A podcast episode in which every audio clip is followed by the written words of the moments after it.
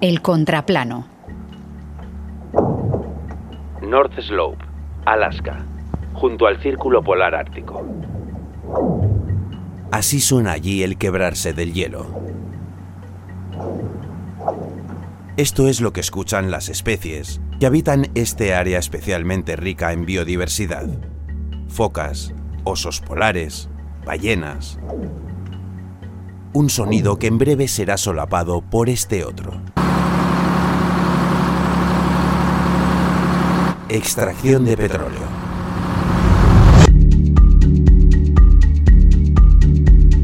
Aquel que el 20 de noviembre de 2022, durante la Conferencia de las Naciones Unidas sobre el Cambio Climático, dijo cosas como, Hemos demostrado que una buena política climática es una buena política económica. o Sé que con innovación y cooperación brindaremos un mundo mejor para los niños y niñas. acaba de dar luz verde al proyecto Willow. Megaproyecto de extracción de petróleo que Joe Biden pondrá en manos de la petrolera ConocoPhillips, la mayor productora de crudo en Alaska. La empresa pronostica sacar unos 180.000 barriles al día, crear 250.000 empleos durante la fase de construcción y 300 empleos fijos cuando todo arranque. Mucho dinero para una zona en la que las fuentes de ingreso no abundan.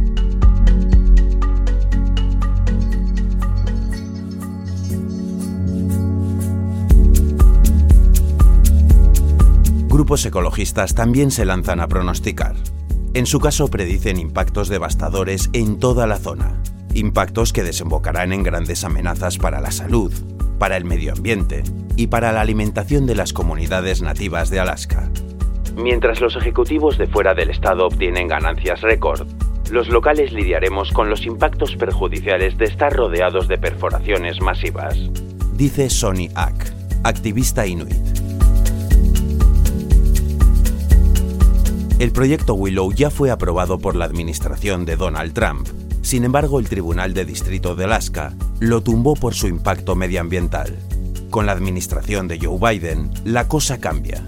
Eso sí, solo ha permitido explotar tres de las cinco zonas que ConocoPhillips había pedido. Así que parece que la balanza se inclina 3 a 2 hacia el lado buena política económica en contra del buena política climática. Con las elecciones presidenciales a la vista, mejor que no se incline del todo. Buena política electoral.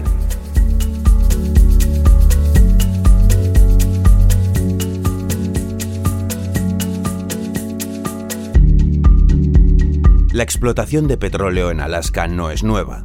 Empezó en 1970 y desde 1982 la población recibe un cheque anual de unos 3.000 dólares a cambio de exprimir el petróleo de sus tierras. Un dinero que sale de los dividendos que las petroleras sacan y cuyo fin es que tengan los ahorros suficientes para cuando ya no quede nada que chupar.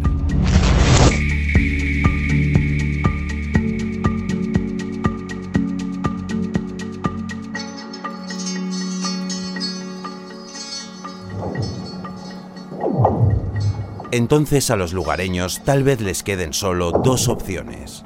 Una, usar esos ahorros para emigrar. O dos, seguir el camino de los renos, osos polares, morsas. Esas especies que el Consejo Ártico denuncia que están desapareciendo en la zona a causa del impacto del cambio climático. Dos opciones que nos llevan hacia un futuro en el que ya no habrá nadie para escuchar el hielo quebrar si es que queda hielo.